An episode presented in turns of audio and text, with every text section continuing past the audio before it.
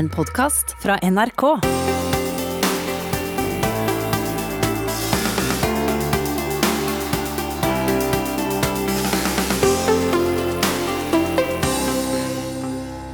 og velkommen til Debatt i P2. Mitt navn er Ane Teksem Isbrekken, og i dag er det vi i Norsk utenrikspolitisk institutt, NUPI, som har fått lov til å lage radio for dere. I dag så er det to brennaktuelle temaer som vi skal se nærmere på. I den kommende timen dykker vi ned i hvordan teknologien kommer til å prege livene våre. Og hvor sårbar blir vi egentlig når all informasjonen om oss svever der ute i cyberspace? Etter Dagsnytt så kommer vi tilbake med nye gjester, og da tar vi pulsen på populisme og polarisering.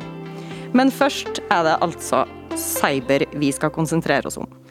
Med meg i studio sitter NUPI-forsker Karsten Friis og Håkon Bergsjø, som jobber med cybersikkerhet i NSM, Nasjonal sikkerhetsmyndighet. Og da må jeg spørre først, har noen av dere blitt hacka noen gang? Jeg får jo eh, begynne, eh, og jeg må jo bare innrømme at det har jeg faktisk. Eh, og Det var jo sånn i 2001. Så ble jo hjemmemaskinen min altså, tatt over og brukt. Jeg mista ikke noe, og det ble ikke noe som ble slettet, men, men det var jo en litt guffen følelse som satt en litt sånn vekker i, i, meg for det som har skjedd videre. Tror du det ble definerende for det du jobber med nå? Ja, det er klart, det har jo sittet i, og det å hjelpe andre med å ikke oppleve det samme, altså både privatpersoner og virksomheter, er klart det, det bidrar jo. Jeg vet jo ikke om om jeg ble hacket, så det er kanskje enda verre. For det kan jo hende ut at jeg vet det. ja, ikke sant. Ok. Men uh, mannen i gata er jo kanskje mest bekymra for sånne ting som du opplevde, Håkon. At noen skal stjele sensitiv eller uh, pikant informasjon. Nå skjedde det kanskje ikke med det, men det er i hvert fall det vi er redd for. Uh, men er det egentlig det som er den største trusselen? Jeg vil si at alle, Både privatpersoner og virksomheter må jo passe på det de har. Eh, det første steget er jo bare å tenke etter har jeg noe som jeg er engstelig for at andre skal se. Nå, sånn som på mobiltelefonen din, så har du veldig mye om dagen. Nesten livet ditt ligger på mobiltelefonen. Så tenker du om, Er det helt greit om jeg mister den, og alle vennene mine og, og alt det eh, som står på telefonen min, jeg kommer ut? Eh, hvis svaret på det er ja, ja, så er det kanskje ikke så farlig.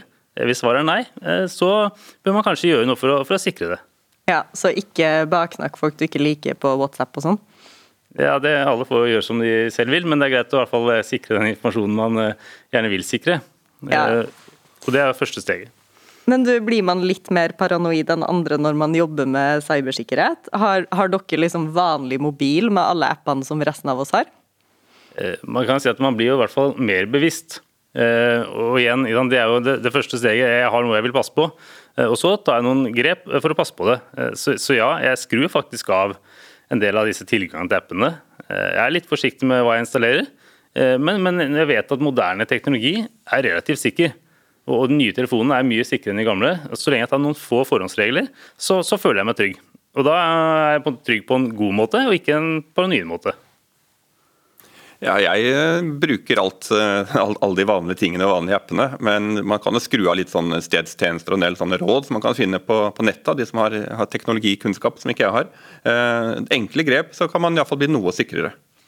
Ok. Det er altså eh, egentlig det her med samfunnssikkerhet og cybersikkerhet vi skal snakke om i dag. Eh, og da tror jeg vi må bare begynne med å avklare litt begreper, for det er ganske lett å gå seg vill her.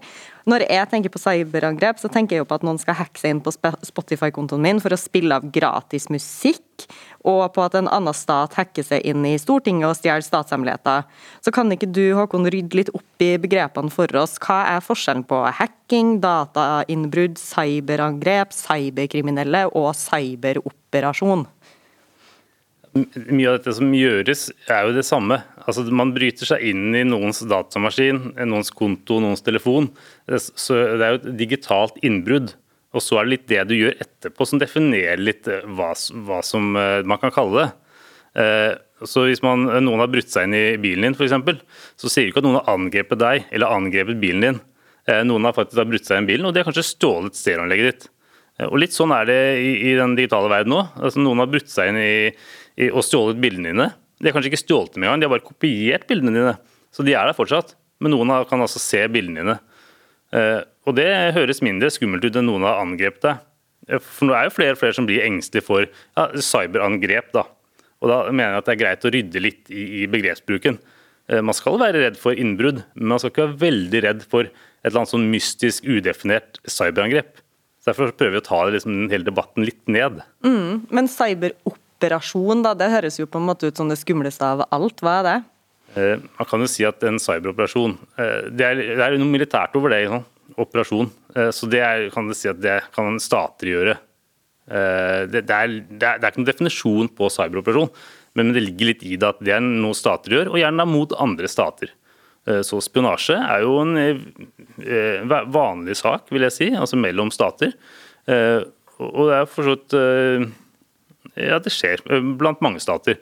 Og da er det veldig sånn konkret. Men man bryter seg inn og, og henter ut informasjon. Og det kan man kalle en operasjon. Vi skal snakke litt mer om, om, akkurat det, men før det, hva er den største grunnen til at datainnbrudd lykkes? Nei, eh, Tidligere, eh, når jeg fortalte min egen datamaskin på, i 2001, så var det veldig eh, lett, mye lettere. Eh, programmene var mer sårbare, de var mer eksponert på nett. Nå er det mer lukket ned. Det er vanskelig å få tak i min datamaskin, for brannmuren er automatisk på. Og det er mange mekanismer som gjør det mye, mye tryggere. Så det, er, det syns jeg er veldig bra. Men, men det, er, det, er, klart det er flere der ute nå enn tidligere som driver med dette her. Altså si at Kriminalitetsratingen, eller altså antallet som driver med eh, nettverkskriminalitet, har jo økt eh, veldig. Eh, så det er mange flere som bryter seg inn. og det er klart Da øker sjansen for at noen kan bryte seg inn akkurat hos deg. Hvis du sammenligner i en fysisk verden, for Før så måtte kanskje tyven gå og åpne døren og kjenne ja, og her på bygda her var det åpent. Mm. Så da kan jeg gå inn den døren her. Nå kan dette gjøres da fra hvor som helst i verden. Så kan man sjekke om den digitale døren din er åpen. Og det kan alle gjøre. Og de kan gjøre det hele tiden. Og man kan gjøre det automatisk. Eh, så det er klart, Sjansene for at man da glemte å lukke døren en dag, er stor. Ja. Når så mange prøver, så er det sjansene for at noen lykkes også. Karsten? Og så er det også til og med sånn at det er blitt sånn at, at disse bakstørene, disse veiene inn, de kan du kjøpe på nett. De ligger åpent sånne snarveier inn, eh, så du kan gå inn og finne hvor mye du vil betale for det. Så kan du komme inn på ulike programmer. Så, så det er blitt en, en, business rett og slett å, å, å, å kjøpe og selge bakveier inn, inn, i systemer. Men det, er kanskje, det her er kanskje et veldig åpenbart spørsmål, men jeg prøver likevel. Hva er liksom hovedgrunnen da, til at folk driver og bryter seg inn i datamaskinene og mobilene våre? Det er, det er veldig mye penger i det. Eh, det å, å å, kunne eh, enten bruke datamaskinen din eh, til å, å, ødelegge for andre. At man kan si støye ned eh, virksomheter. Altså dette som man til merker som, som tjenestenektangrep. At det er mange datamaskiner som støyer på f.eks. en virksomhet. Bare for å ødelegge for den, liksom? Ja, eller for å presse den for penger. At mm. Hvis ikke du gir oss penger nå, så tar vi 10 000 datamaskiner og sender masse trafikk mot nettstedet ditt. Så kommer ikke kundene dine inn på, på nettsiden din. Og det er en måte. En måte. Eller så kan man drive med svindel, rett og slett, altså stjeling. Eh, eller presse enkeltmennesker. altså Nå har jeg kryptert bildene dine, og hvis ikke du gir meg en bitcoin eller en kvart bitcoin nå er jo en bitcoin verdt nokså mye, men en del av en bitcoin, så, så får du ikke bilene tilbake. Til, altså, hvis du da flytter opp fra individer opp til, til stater, så er det, liksom, det er spionasje, som Håkon nevnte i stad, men så er det jo også sabotasje. Altså, altså, en ting er å spionere på hverandre, men det faktisk kan man jo bruke det, det digitale til å, til å ødelegge eh, både digitale data. Man kan gå inn og slette liksom, en stor database. slette folkeregisteret, holdt jeg på å si, for å ta det dramatisk. Eh, men og til og med fysiske ting. altså Det har vært eksempler i, i noen land hvor de har klart å skru av kraftverk. Og klart, da, da, får det jo konsekvenser utenfor det digitale rom også. Dette skjer ikke så ofte, men det er jo veldig alvorlig hvis det skjer. Mm. Eh, hvor stor eh, Håkon, er egentlig cybertrusselen mot Norge? Da er det jo greit å dele det opp. Nå, nå tok jo Karsten akkurat og snakket om eh, fysisk ødeleggelse. Og det, det, er jo veldig få eksempler på det i verden, heldigvis.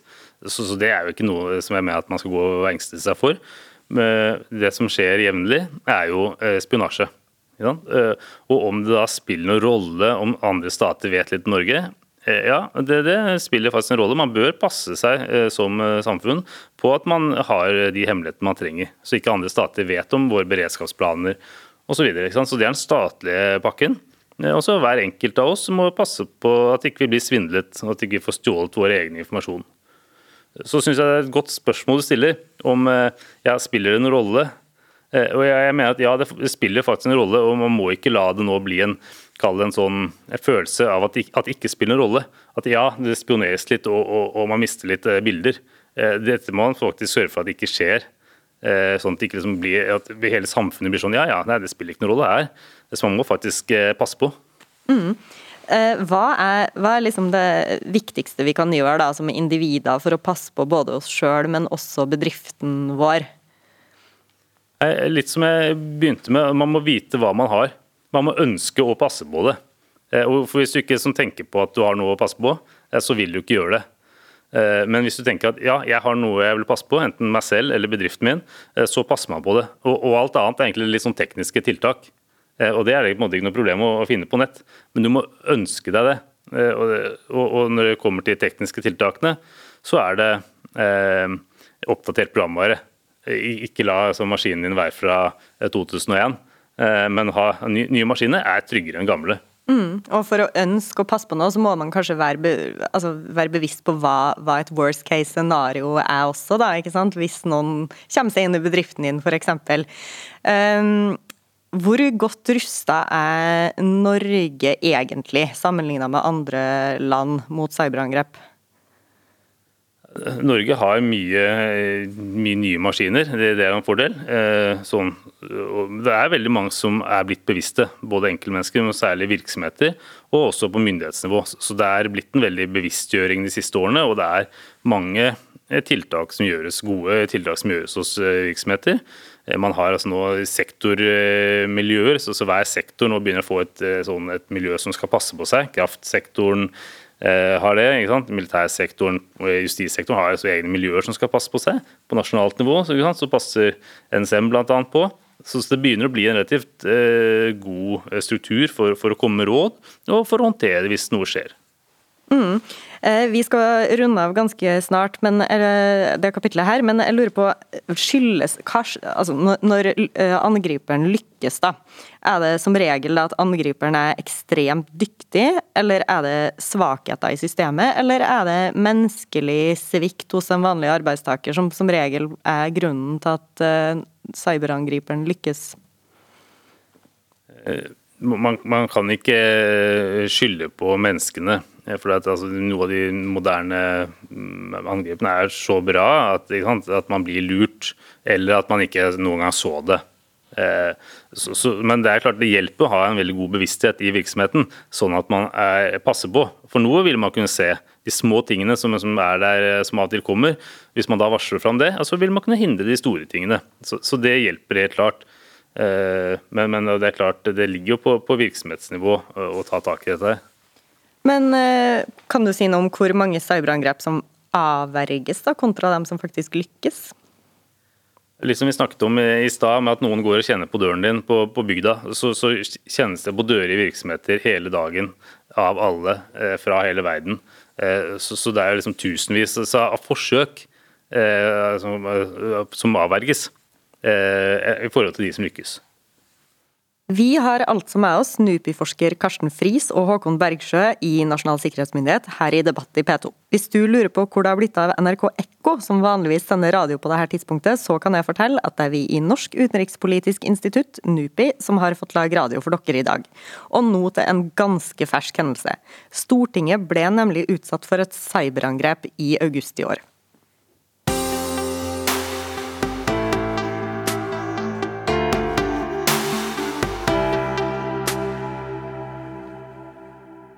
Karsten, kan ikke du oppsummere for oss eh, hva som skjedde da Stortinget ble utsatt for et dataangrep i år?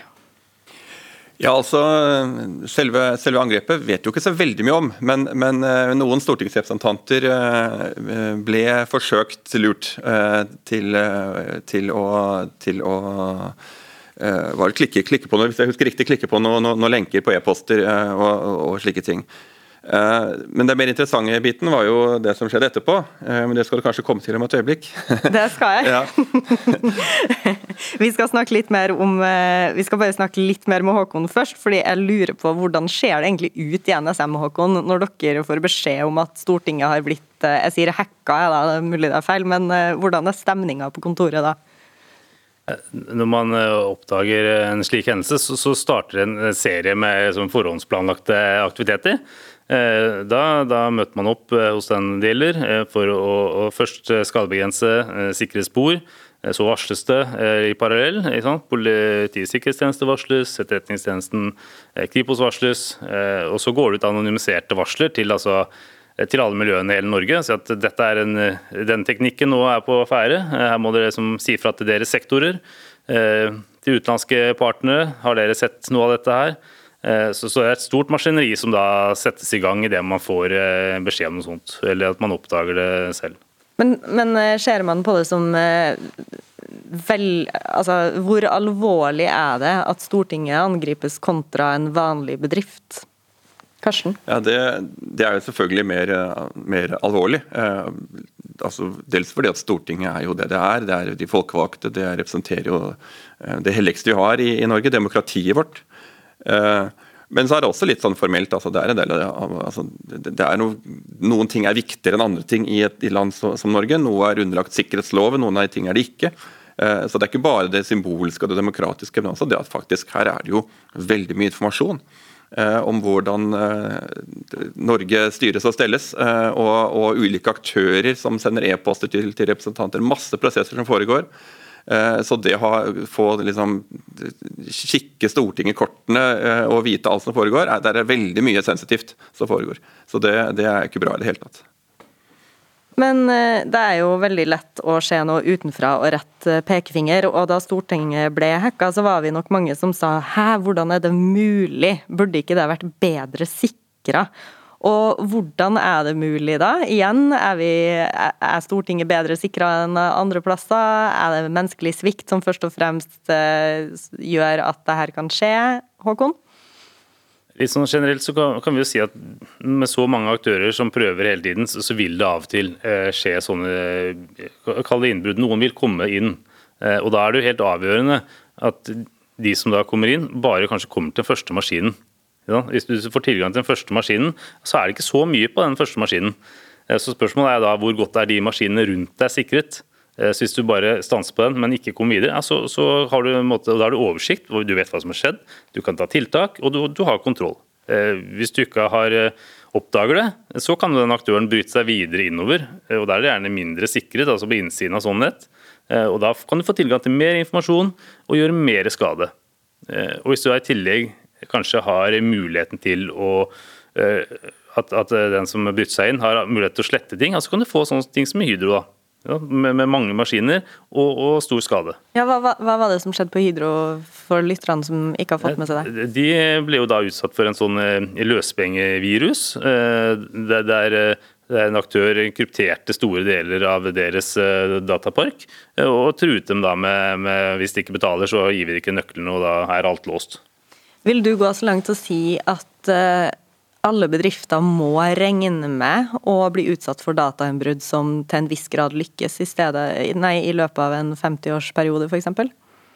Eh, ja, det, det, vil jeg si. Altså, alle vil på, på et eller annet nivå eh, få et innbrudd som lykkes. Er, men spørsmålet er hvor godt lykkes det.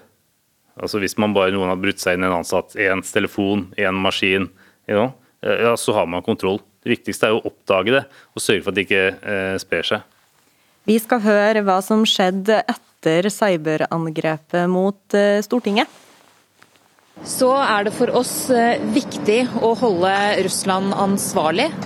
Det er fordi denne type hendelser er veldig alvorlige. Og det er viktig og en utvetydig reaksjon fra norsk side at vi offentliggjør denne attribusjonen.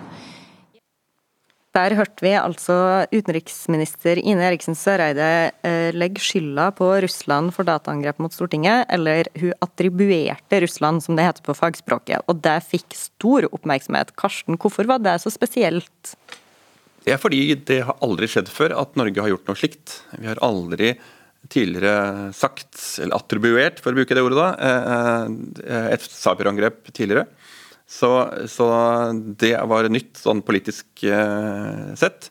Og, og, det viser liksom at vi er i kanskje en ny tidsepoke. Eh, og selvfølgelig, vår relasjon til Russland er jo, vært, er jo krevende fra før. Så, så dette bidrar jo til videre til å skape liksom, rabalder rundt mellom Norge-Russland-relasjonene. Men eh, hva, hva, vil man egentlig oppnå da, når man eh, gjør noe sånt, og attribuerer? Ja, Det er jo et godt spørsmål. fordi at eh, vil, Ideen må vel være at når man sier hvem det er, så blir de flaue og ikke gjør det igjen. Eh, ikke sant? I det litt enkelt. Eh, at, at det er slags sånn på engelsk 'naming and shaming'. Eh, at man ved å si offentlig, så blir det en belastning for den som gjorde det. Eh, og at de dermed ikke vil gjøre det i framtiden. Det, det, må jo være logikken, sånn direkte logikken eh, for dette her. Um, og så kan man tenke seg litt på sikt at hvis alle gjør dette ofte, så vil man kanskje etter hvert etablere noen internasjonale normer på hva som er god og dårlig oppførsel i det digitale rom. Uh, og da dette det, det liksom blir anerkjent på sikt som en dårlig oppførsel, at noe man ikke skal, skal gjøre. Jeg tenker jo at De burde jo kanskje skjønne det av seg sjøl. at du ikke skal bryte inn i datasystemet til en fremmed stat, eller annen stat. Men, eh, men funker det her attribueringsopplegget, da? Det er litt tidlig å si. Ehm, det vi har sett eh, de siste årene, er at flere land gjør dette. Ehm, vi har hatt eh, flere, altså Nederland, Storbritannia, USA.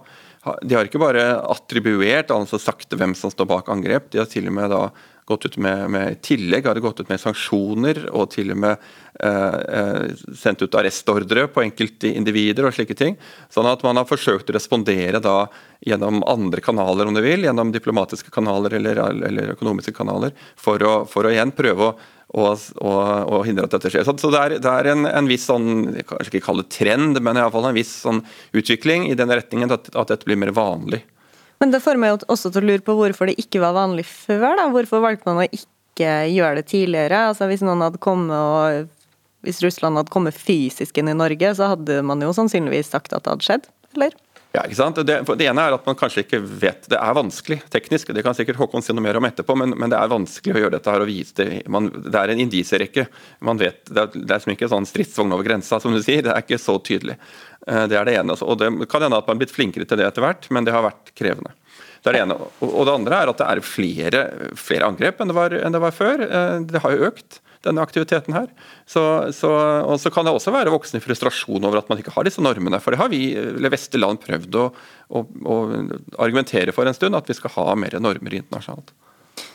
Håkon, eh, hvordan går man frem når man prøver å finne ut hvem som står bak et sånt angrep? Hva har man å gå etter? si at Grovt så kan disse sporene deles i infrastruktur og, og, teknikk. Det er jo en del, litt det samme som man gjør i den fysiske verden også.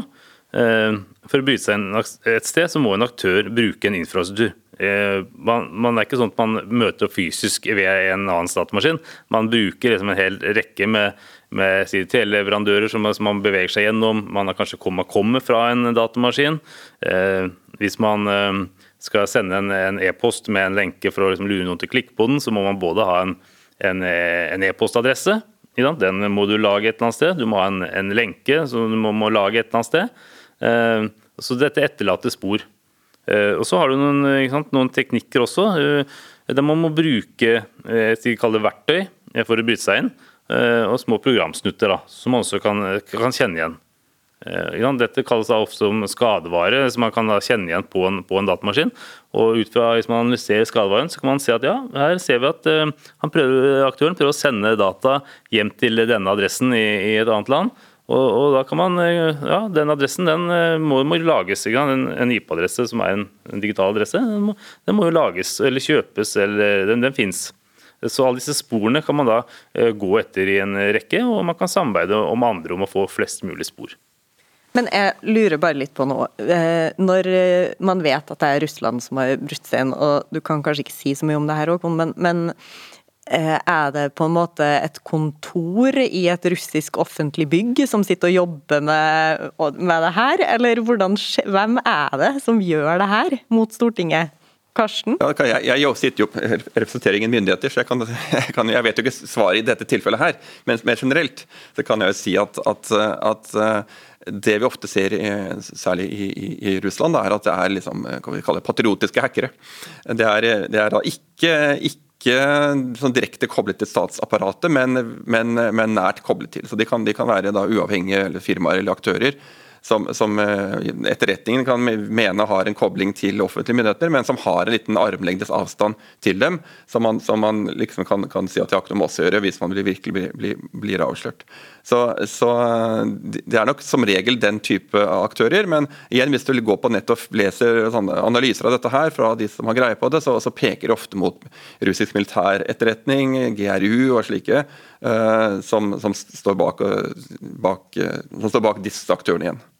Det her får meg også til å lure litt på. Da. Er det her noe alle land driver med? Driver Norge med det også? Mange land driver jo med spionasje. Uh, Eh, men, men, eh, det er nok ulike grader av hvor aktive man er. Eh, vi vet jo selvfølgelig lite om dette. Det er jo naturlig nok lite, lite det er jo hemmelig. Og, og, jeg vet jo heller ikke hva Norge gjør, men man kan lese litt hva Norge har, har skrevet i ulike etterretningsloven og slike ting. Og Norge gjør også offent, offensive cyberoperasjoner. Eh, men, men, det er nok eh, i, i, hovedsakelig for å spionere, altså finne informasjon. La oss si ta Russland igjen, da, at man kanskje går i et eller annet system og prøver å finne ut hva som, hva som skjer der. Eh, jeg tror man er ganske forsiktig fordi de politiske konsekvensene av blitt tatt er ganske store. Så, så det er veldig diskré, og man, gjør, man, foretrekker nok å gjøre det mot la oss si, ISIL og terrorister og slike, enn mot andre, andre land. Eh, mens de store landene nok, eh, bryr seg nok litt mindre om, om å bli tatt, og, og, derfor opererer litt friere. Men vil man kunne være 100% sikker på hvem som står bak da, Håkon? Eh, attribusjon gjøres jo etter en vurdering eh, av en analyse. Man, man analyserer alle disse indisene man har, alle disse sporene, og så gjøres jo en, eh, en vurdering. Og det, Attribusjon er jo da den, den politiske navngivning av de man mener står bak. og det, Dette gjør man jo med større eller mindre grad av, av, av sikkerhet. Så man, man, kan aldri være 100 sikker, men man kan være relativt sikker på, på den andre siden. Mm. Karsten, eh, kunne man sett for seg andre måter enn eh, attribusjon og, og, på en måte gjøre det her på? Da? Du var jo innom at noen har drevet med siktelser og sånn. Er det effektivt? Eller sanksjoner f.eks., kunne det vært en idé? Ja, altså, som jeg nevnte, så er det noen land som har gjort det, USA og England og sånn. Og, og EU vedtok nå i sommer for første gang eh, sanksjoner mot, eh, mot, eh, mot bedrifter og individer i Kina og i, i, i Russland pga. hacking. Og Norge har tilsluttet seg til disse, dette, så, vi, så det gjøres det også. Um, og igjen kan man spørre seg hvilken effekt det har. Uh, om, om, om det, det, er litt tidlig å si uh, om, om, det har noe å si. Men, men alternativet er jo liksom å være like aggressiv tilbake. Eh, og det ønsker man jo ikke. og jeg, Derfor jeg tror litt tilbake til spørsmålet til dette om andre land gjør det. Jeg, eh, uten at man skal være naiv, så tror jeg at vestlige land er litt mer forsiktige og ikke, ikke turer fram like rått. Fordi de, vi ønsker ikke et internett hvor, er, hvor det er eh, fritt fram og full krig. Ja vel, det foregår spionasje og sånn, men, men, vi ønsker også å ha visse kjøreregler. Hvis ikke så kollapser hele dette digitale, det positive med internett hvis, hvis, alt, hvis, det er full krig der ute, så, så kollapser jo, eller så forsvinner noe av verdien med å ha dette frie nettet vi er så blitt så avhengige av. Mm. Eh, siste spørsmål i bolken her. da. Hvor viktig er internasjonalt samarbeid for å finne den skyldige? Det tror jeg er veldig viktig. Eh, eller det er ekstremt viktig. Fordi, eh, fordi det å ha etterretningssamarbeid, ha, ha andre land som har er kanskje oppdag, altså La oss si Håkon snakket om disse, disse, disse, disse kodene, dette, dette, man ser når noen angriper skadevaren. Ja vel, Hvis du har da en, en, La oss si Sverige har blitt utsatt for det samme før. da, ser vi at den her, den, den, Akkurat den samme koden har vi sett brukt hos oss. Eh, og Den fant vi ut kom derfra. Ja vel, Hvis alle sammen, sammen deler denne informasjonen, så er det mye lettere å finne ut av hvor, hvem som står bak. Så Det er ekstremt viktig vil jeg si, eh, i, et, i et sånt arbeid. Attribusjon er jo et, et puslespill. Eh, og, og det å kunne hjelpe, jobbe med andre land for å se på ja, hvor stanser den infrastrukturen. Går den videre derfra? Dette, helt, dette gjøres jo i, i, eh, i, sikkerhetsmiljøene og politimiljøene. Det gjøres jo mange miljøer. og Så setter man da sammen et, et større bilde. Tusen takk, Håkon, for at eh, du var med. Du er fra Nasjonal sikkerhetsmyndighet, NSM. Og Karsten Friis, du blir med oss en stund til, og vi skal få med to nye gjester. Lars Gjesvik er doktorgradsstipendiat på NUPI, og Dan Vigeland er direktør for innovasjon og strategi i Knowit, som driver med teknologi og digital forretningsutvikling. Denne timen snakker vi altså om cybersikkerhet og teknologi i Debatt i P2, og det er vi i NUPI som har fått lov til å lage radio for dere i dag. Heng på også etter Dagsnytt, for da sitter vi klar med nye eksperter og skal snakke om populisme og polarisering. Men nå skal vi dykke dypere ned i teknologien, og etter hvert skal vi bl.a. se nærmere på overvåkningsteknologi.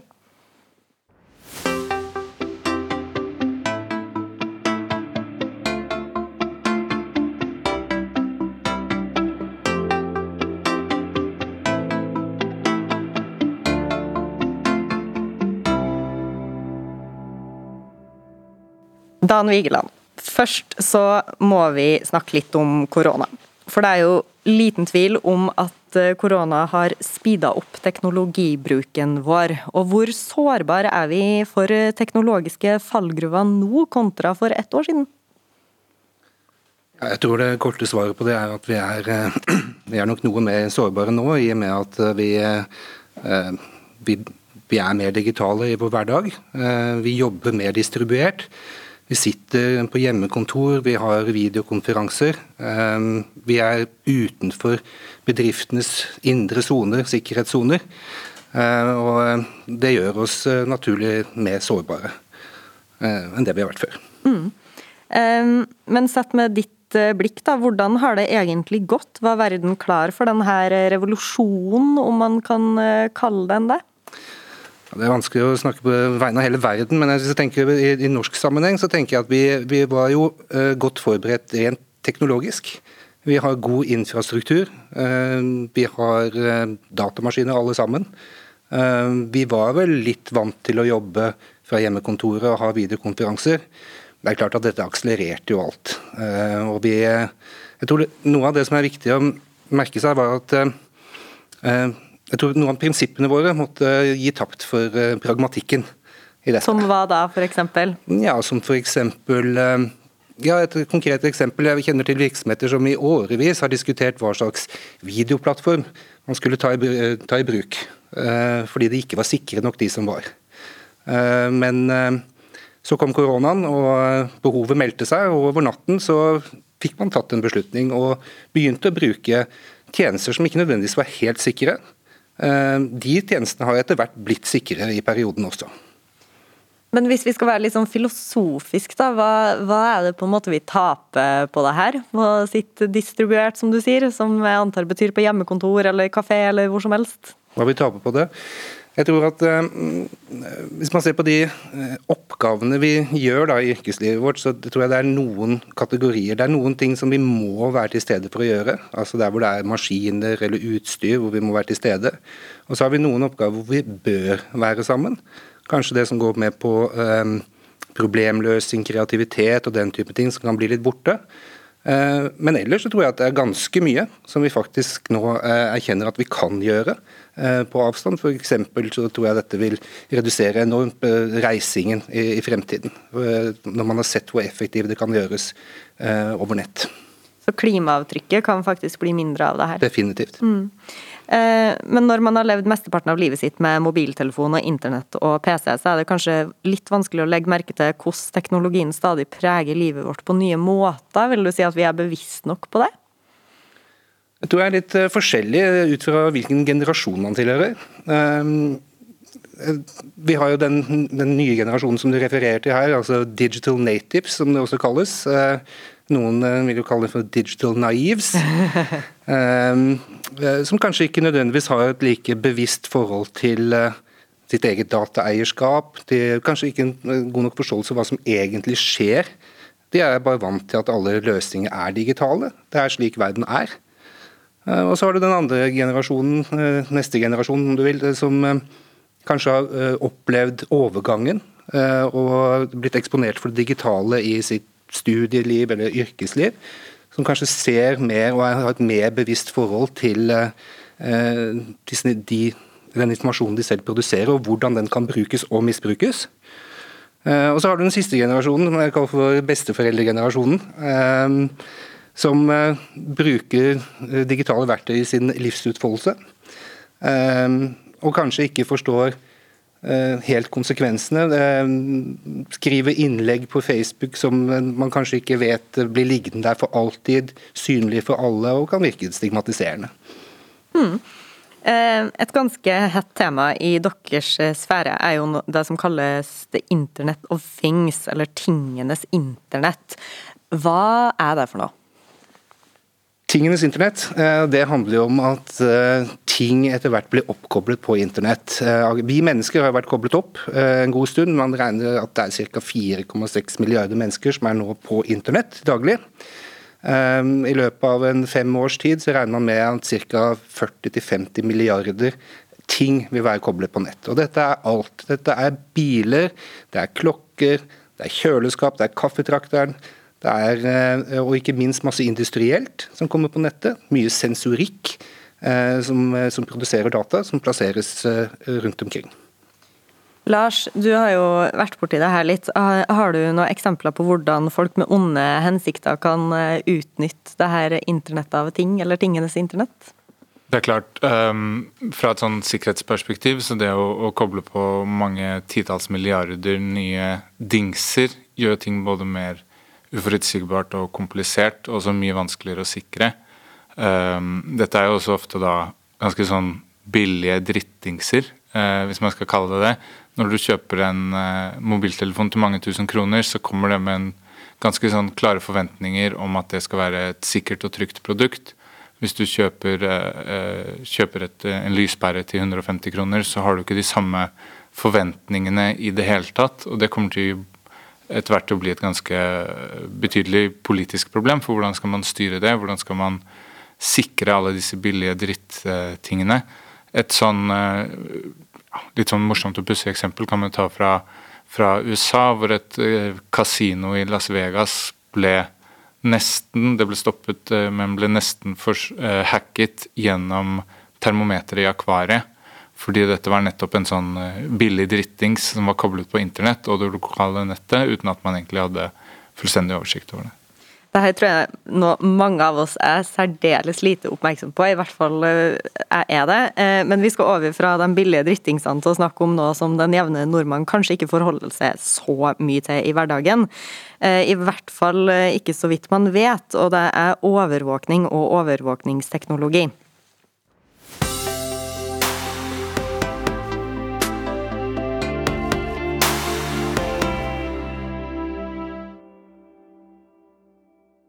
Og det som kommer nå, det er litt komplisert, men jeg prøver med.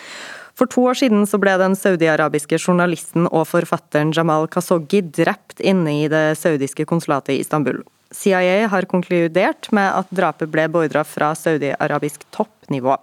Og hvorfor tar jeg opp Khashoggi-saken her? Jo, det er fordi en saudisk avhopper som hadde tette bånd til Khashoggi, nylig har saksøkt et israelsk software-selskap ved navn NSO Group for å ha hjulpet Saudi-Arabia med å spionere på hans og Khashoggi sin kommunikasjon på mobilen.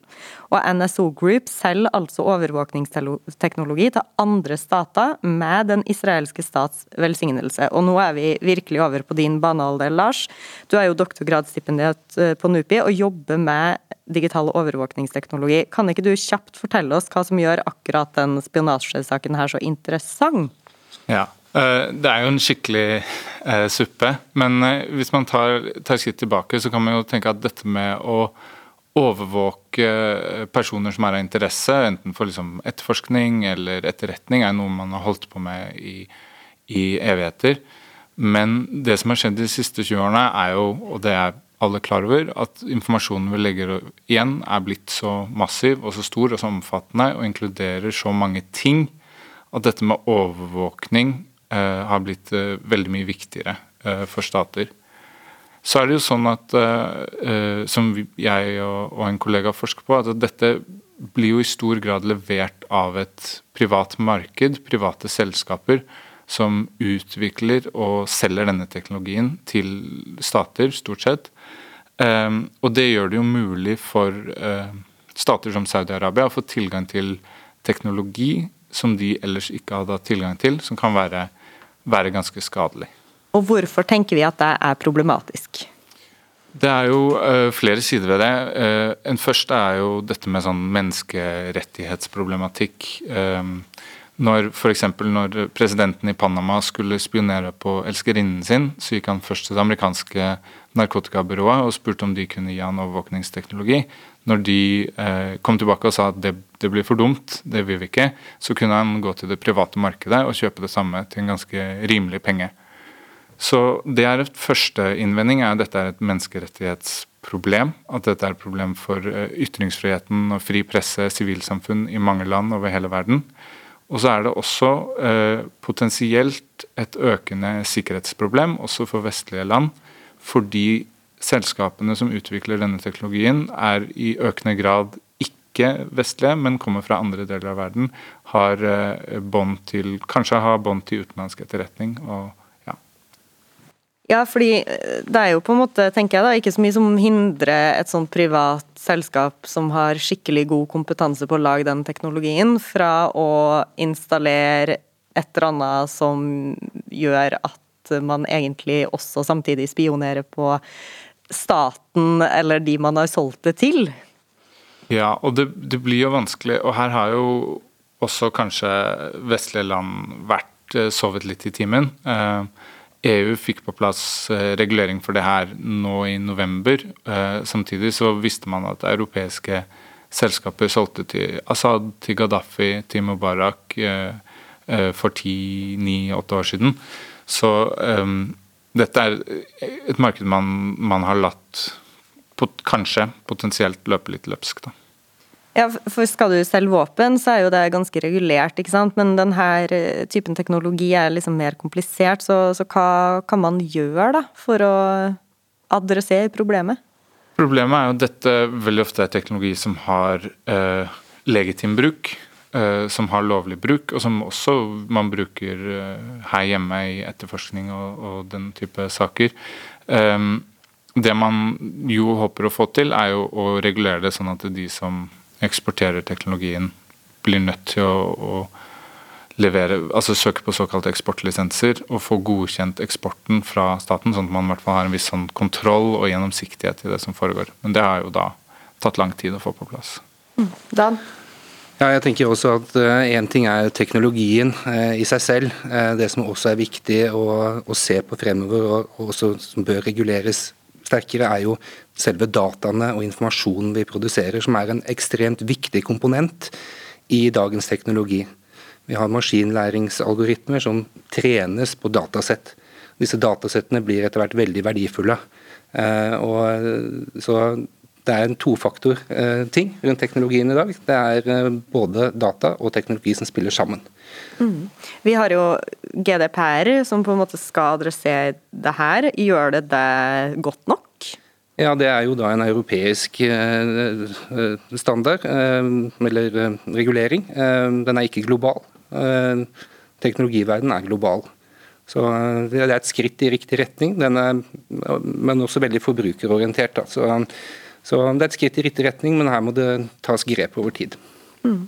Eh, Lars, hvilke land er det egentlig som er fremst når det gjelder utvikling av denne type teknologi, overvåkningsteknologi? Um, historisk så har det jo vært europeiske og land og USA, og til dels også Canada. Litt sånn kanskje overraskende land fra et norsk perspektiv. Man har Italia en ganske stor industri, Storbritannia, Tyskland, Frankrike. Men også Danmark, Sverige og Finland har eh, betydelige selskaper som er store på å levere denne typen overvåkningsteknologi. Men kan man komme i en situasjon hvor eh, sånn type teknologi kommer på avveie? Altså havne i hendene på terrorister f.eks.? Har det skjedd? Nå, jeg, jeg, vet ikke om noe, noe tilfelle hvor det har skjedd, og det er jo um, det, det, vil være krevende og vanskelig. altså um, å selge til terrorister tror jeg de aller fleste selskaper vil eh, rynke ganske greit på nesa for. Eh, nå er det en, en, eh, sak i det amerikanske rettsvesenet hvor et indisk selskap som heter Beltrox, har blitt leid inn av privatetterforskere, som igjen har blitt leid inn av et privat selskap, for å skaffe informasjon om en, om en konkurrent. Så selv om det ikke er eh, terrorisme, så er jo det en veldig bekymringsfull utvikling hvis teknologi utviklet for etterretning og stater blir brukt av private selskaper i, eh, i, som er i konkurranse med hverandre. Hvem er det som er ansvarlig da, for å legge til rette for reguleringa for at det her ikke er så enkelt som det høres ut som det er i dag, og brukt til å bryte menneskerettigheter og personvern og sånn?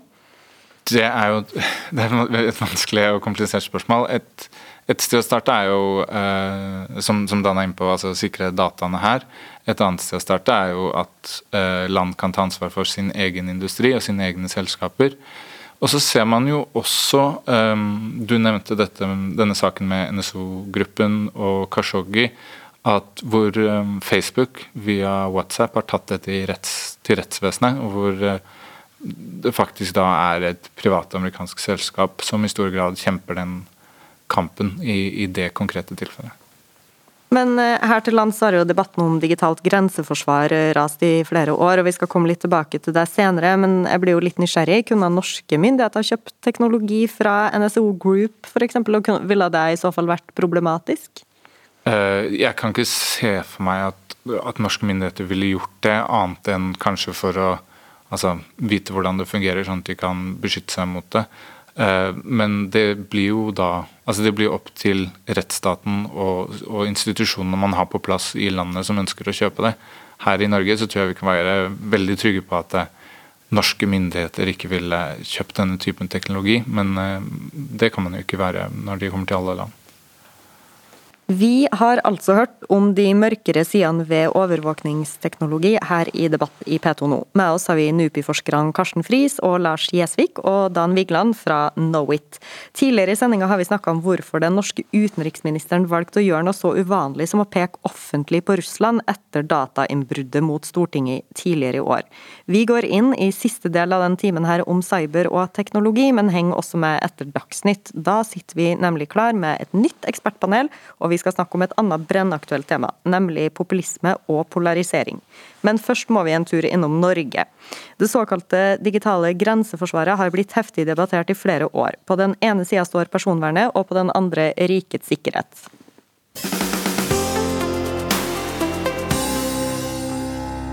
Karsten, du har jo jobba ganske mye med det her. Hva er egentlig digitalt grenseforsvar? Ja, Det heter jo ikke det lenger engang. Det heter jo en tilrettelagt innhenting i det siste, siste lovforslaget, eller loven som er vedtatt. Uh, men det blir ikke man er ikke så mye klokere av det. Nei, det var ikke så like intuitivt i hvert fall. Nei, fordi, men, men altså, Grunnen til at man gikk bort fra det, var at det, at det handler jo ikke verken om, om grense, grense, eller forsvar. Det handler om kablene som går inn og ut av Norge med datatrafikk. Og Etterretningstjenesten ønsker uh, å få lov til å samle opp data fra denne og metadata, altså den, ikke innholdsdata, men altså dataen om hvem som kommuniserer med hvem. Eh, og lagre denne en, en periode, og kunne få lov til å da eh, senere å søke i denne eh, etter domstolstillatelse til å gjøre det. Og Man ønsker også da å kunne, i visse helt spesielle tilfeller, kunne gå inn og hente innholdsdata igjen med domstolskjennelse på forhånd. Dette er jo da, eh, sier de, en måte å forsvare Norge på eh, mot spesielt dataangrep, som vi snakket om tidligere i dag, type som mot Stortinget, eh, men også mot, eh, mot internasjonal terrorisme. Men hvorfor mener mange at det er nødvendig å, å innføre akkurat det her med tilrettelagt innhenting for å klare jobben?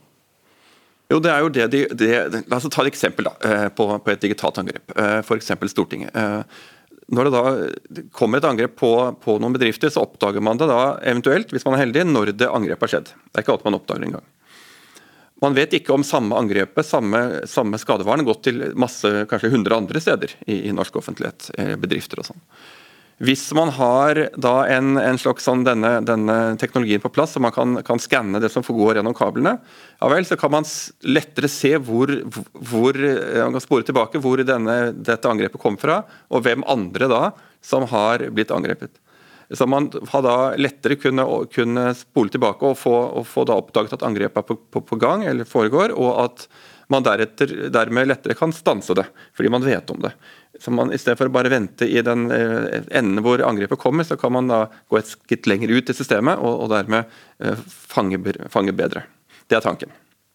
Men da snakker vi jo altså om eh, data som på en måte kommer utenfra, ikke sant? for å ødelegge for oss. Mm. Men, eh, men, hvis Etterretningstjenesten hadde fått klarsignal til det her, da, eh, hva ville vært det mest inngripende de kunne ha gjort mot enkeltindivider, altså nordmenn? Ja, Ingenting. Etterretningstjenesten har ikke lov til å drive etterretning mot nordmenn. Det er eksplisitt i, i, denne loven som er, som er vedtatt. og det, Sånn var det før også, før med den gamle loven.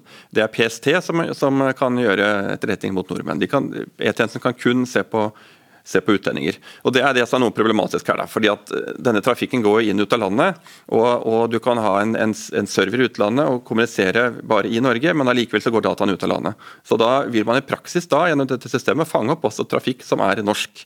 Uh, og, og, Da vil jo disse, disse basene, søkbare databasene ligge noe sånn trafikk. Så kan man prøve å sile ut en del av det, men noe vil være igjen. Så Da betyr det at E-tjenesten i, i, prinsippet har en, en, database med, met, eh, med, med, datatrafikk, eller altså ikke innholdsdata, men, men metadataen, som det heter, på også nordmenn. Og, da, og det mener jo da noen er en form for masseovervåkning.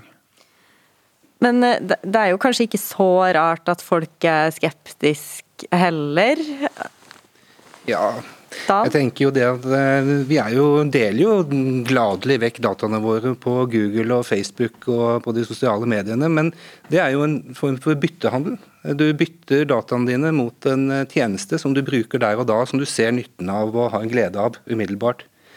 Uh, sikkerhet uh, ligger jo litt fjernt for de fleste av oss, uh, heldigvis kan man kanskje si. Men det er vanskeligere å knytte verdien inn i dagliglivet på samme måte. Mm. Men Karsten, hva er det andre stater allerede overvåker om oss? Ja, Vi hadde jo nylig den saken fra Danmark, eh, som noen kanskje, kanskje fikk med seg, hvor faktisk da amerikanerne har fått lov til å gå inn i en sånn kabel i Danmark og tappe informasjon, eh, søke på datatrafikk fra Norge og mange andre land i, i Norden, i Nord-Europa. Så, så, vi må bare anta tenker jeg, at, at vår trafikk, eh, datatrafikk som går over Atlanteren, går til USA, går via England, stort sett blir plukket opp i større eller mindre grad av utenlandsk etterretning, i tillegg til de private selskapene som Dan akkurat snakket om, som vi frivillig deler med. Så kan vi si at uh, fall de vestlige landene er i fall dette under en viss demokratisk kontroll. I Norge så er det jo en EØS-utvalg fra Stortinget, tilsvarende er det i andre land. sånn at det skal ikke misbrukes uh, til, til, til ublide formål. Uh, i, I prinsippet iallfall. Uh, så kan man jo alltid mene at det kan bli bedre, men, men, men, men det er i alle fall, realiteten er iallfall at dataen vår, når den går ut av landet, må man bare anta det er som et postkort. Eh, det kan leses av postmannen hvis han vil. Mm. Ja, det er, men det er klart at dette er, er, veldig komplisert og vanskelig. Jeg tror det er um, mange som med rette føler seg ubekvemme med en verden hvor stadig mer overvåkes, stadig mer data hentes inn om oss. og det, altså det er ingen som ser seg fornøyd med at dataen vår blir overvåket mange punkter på veien. så derfor kan de bli overvåket et uh, punkt til. Um, Norge har jo vært et av de senere landene til å, få denne typen overvåkning. Nå er det, vet ikke jeg om noe sånn endelig autoritativ liste over land som har denne type overvåkningslover, men jeg har sett et anslag på at om, sånn omtrent 140 land allerede har det. Um, så det setter, setter jo um, Norge i en vanskelig posisjon, hvor man kanskje kan både være veldig kritisk til denne store utviklingen, men samtidig se at det er vanskelig for Norge som et lite land å stå eh, alene mot strøms imot den. Jeg tror generelt det er viktig å være klar over at når det gjelder eh, digital sikkerhet som, som sådan, så, så, er det jo ingenting som er sikkert. Eh, det, er, det, vi snakker om er en balanse. Vi snakker om balansen mellom sikkerhet og brukervennlighet, en funksjon på den, på den andre siden. Så eh, Den eneste måten å være helt trygg på, er jo å ikke være eh, på nett, for å si det sånn. Eh, men det går jo ikke, for det, vi har jo behov for den, de funksjonene og den, ja, det vi gjør på nett. Da. Så det handler om balanse og en avveiing fra case to case, om du mm. vil. Du var jo inn på det her med den byttehandelen eh, mot eh, med de store selskapene. Eh, hvor stor makt har egentlig tech-gigantene over livet vårt? Jeg tror vi har ganske, ganske stor makt over livene våre. Ehm, jeg tenker på Vi ser jo stadig, vi hører jo stadig om ekkokamre. En, en, En metode innenfor kunstig intelligens eh, som kalles da recommendation engine, som eh, vi, vi, har sett Amazon har tatt i bruk og Netflix har tatt i bruk. altså eh, Man får anbefalinger at andre som har gjort det samme som deg, har også sett på disse tingene osv. Det er en sånn selvforsterkende effekt. Når dette brukes i politisk sammenheng f.eks., så, så, kan så kan det oppstå ganske farlige ekkokamre, hvor man ikke eksponeres for andres syn, men blir på en måte indoktrinert gjennom Og det er algoritmen som gjør det. Um, ja. Vi skal snakke mer om ekkokamera i neste del av sendinga. Vi er nødt til å avslutte her. Skulle gjerne snakka mye mer, for det her var kjempespennende. Ehm, men klokka tikker mot Dagsnytt, og jeg sier tusen takk for følget så langt. Mitt navn er Ane Teksum Isbrekken, og den siste timen så er det vi i NUPI, Norsk utenrikspolitisk institutt, som har stått for sendinga her på P2. Med meg i studio så har jeg hatt Håkon Bergsjø fra Nasjonal sikkerhetsmyndighet, NUPI-forskerne Karsten Friis og Lars Gjesvik og Dan Vigeland fra Knowit. Etter Dagsnytt er vi altså tilbake, og da snakker vi om populisme og polarisering. Så hold dere på kanalen.